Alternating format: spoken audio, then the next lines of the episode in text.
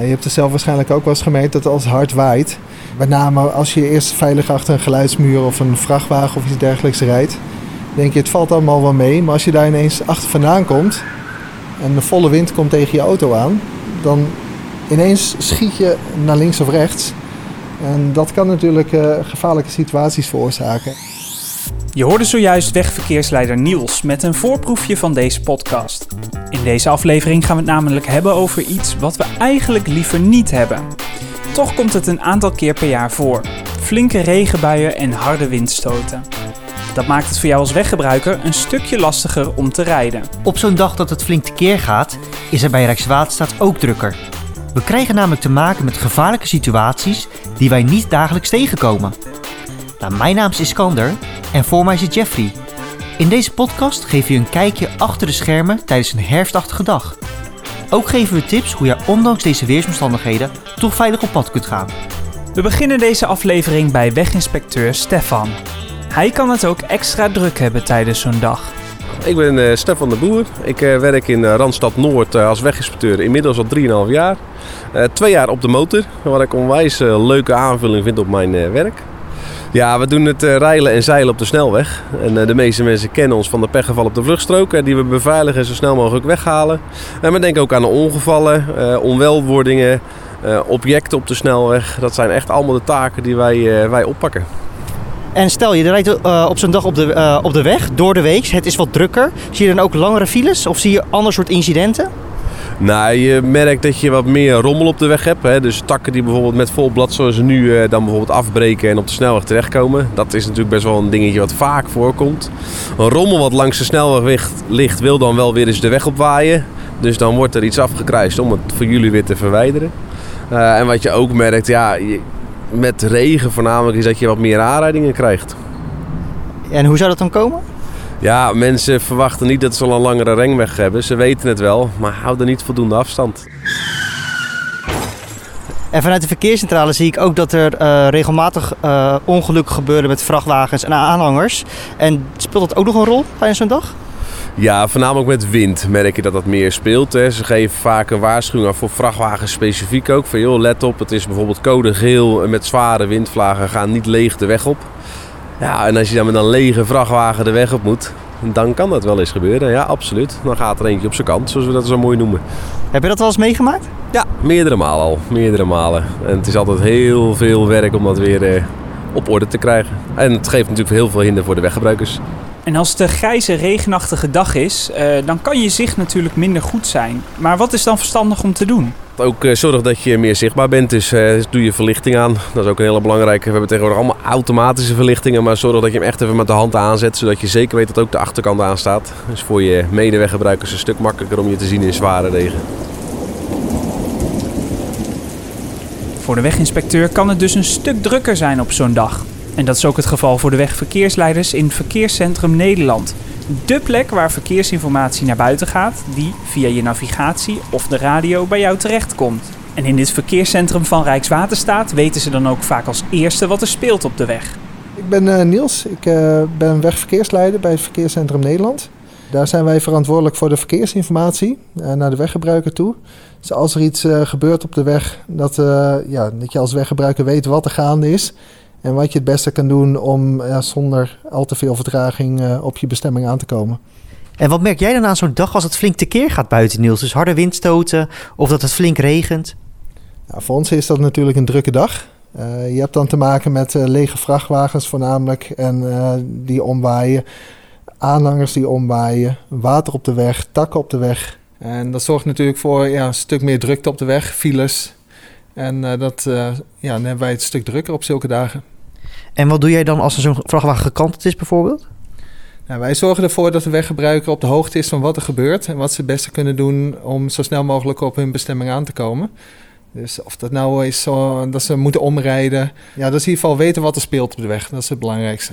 En hoe komt jouw informatie dan bij de weggebruiker, Niels? Dat uh, gaat uh, via onze website, via navigatiesystemen komt die informatie ook binnen. En welke maatregelen treft Rijkswaterstaat om het zo veilig mogelijk te maken op zo'n uh, ja, herfstachtige dag? Nou, als eerste brengen we een advies uit indien nodig van uh, dat je niet de weg op gaat met uh, aanhangers of niet onnodig de weg op gaat. Wat we verder doen is op ehm, kwetsbare stukken, zoals bruggen en dijken, dat we ofwel die afsluiten voor voertuigen met aanhangers, of gewoon in zijn geheel afsluiten. Gebeurt dat bij elke brug of dijk? Kun je daar een voorbeeld van geven? Het gebeurt niet bij elke brug of dijk. Het ligt een beetje aan de ligging natuurlijk. Um, sommige, ja, sommige plekken komt de wind echt van open vlakte en die zijn dan wat vatbaarder dan andere bruggen. Uh, de Oosterscheldekering is ook een goed voorbeeld waar dat uh, wel een probleem kan zijn.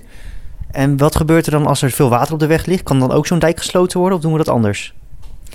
Nou, met water op de weg, uh, dat is vaak een ja, iets kleiner probleem. Een bepaalde rijstrook of iets dergelijks, dat daar water op ligt. Dan sluiten we niet, ja, eigenlijk niet de hele weg af, maar gewoon de rijstroken waar het water op ligt.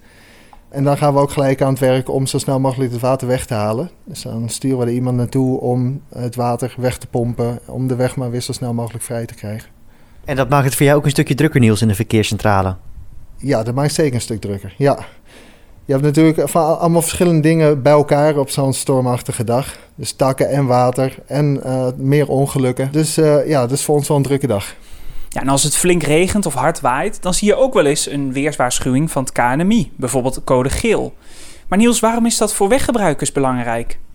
Ja, wij staan altijd in contact met de weerkamer van het KNMI. Als zij denken dat het weer impact gaat hebben op het wegverkeer, dan uh, nemen wij dat mee in de verkeersinformatie. Uh, zo komt het uiteindelijk ook terecht bij de weggebruiker en kunnen ze er, ja, daarna handelen. Um, die ja, codes die uitgegeven worden zijn natuurlijk niet voor niks. Um, die zijn voor jouw veiligheid, maar ook voor je medeweggebruiker. Als Rijkswaterstaat maatregelen moet nemen vanwege de harde wind, dan vermelden we dit uiteraard ook in onze verkeersinformatie. Zo is het te zien op rwsverkeersinfo.nl, te zien in je navigatiesysteem, maar ook te horen op de radio. Laten we luisteren naar een kort fragment van de ANWB op Radio 1. Ja, de hele dag moet het verkeer nog rekening houden met die zware windstoten inderdaad. Een aantal wegen is daarom ook dicht voor auto's met een aanhanger en vrachtwagens. Het geldt bijvoorbeeld voor de Oosterscheldekering in de N57 en voor de N307 Enkhuizen-Lelystad. Voor we deze podcast afsluiten, gaan we nog even terug naar weginspecteur Stefan. Hij heeft nog een paar tips voor je, zodat jij veilig op pad kunt. Nou, je moet uh, opletten bij uh, open vlaktes. Dus uh, hier op de A10 bijvoorbeeld de Zeeburgerbrug. Dan kom je uit de tunnel, hartstikke mooi, geen wind. En je komt de brug oprijden en als er dan een code geel is voor wind... Ja, dan kan je nog wel eens een goede windvlaag verwachten. Dus belangrijk is afstand houden. Dat is natuurlijk eigenlijk wat iedereen al aangeeft. Maar twee handen aan het stuur. Ook een hele belangrijke. Niet met één handje, want dat ga je niet redden, zeg maar. Nee, zijn dat de enige tips die je hebt of hebben er nog meerdere? Afstand houden, dat je kan anticiperen op hetgene wat gaat komen. Dus dat je tijd hebt om te reageren.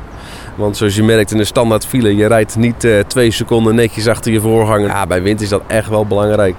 En uh, ja, probeer niet stil te gaan staan op de snelweg. Hè. Dus uh, pak niet de vluchtstok als je denkt van ah, het gaat echt niet meer. Probeer echt naar een afrit te rijden. Probeer een parkeerplek op te zoeken. Dat, ja, je, op de ring heb je sowieso al 18 op- en afritten.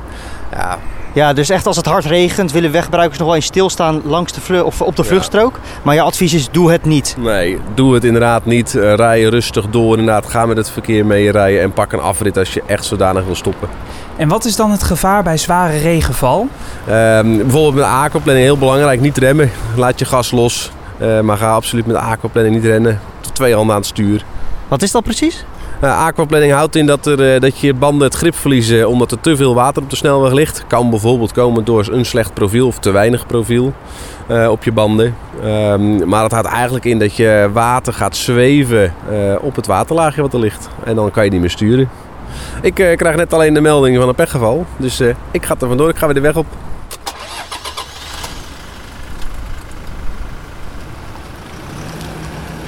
En dit was alweer de podcast over harde windstoten en flinke regenbuien. We hopen dat je een stukje wijzer op pad gaat.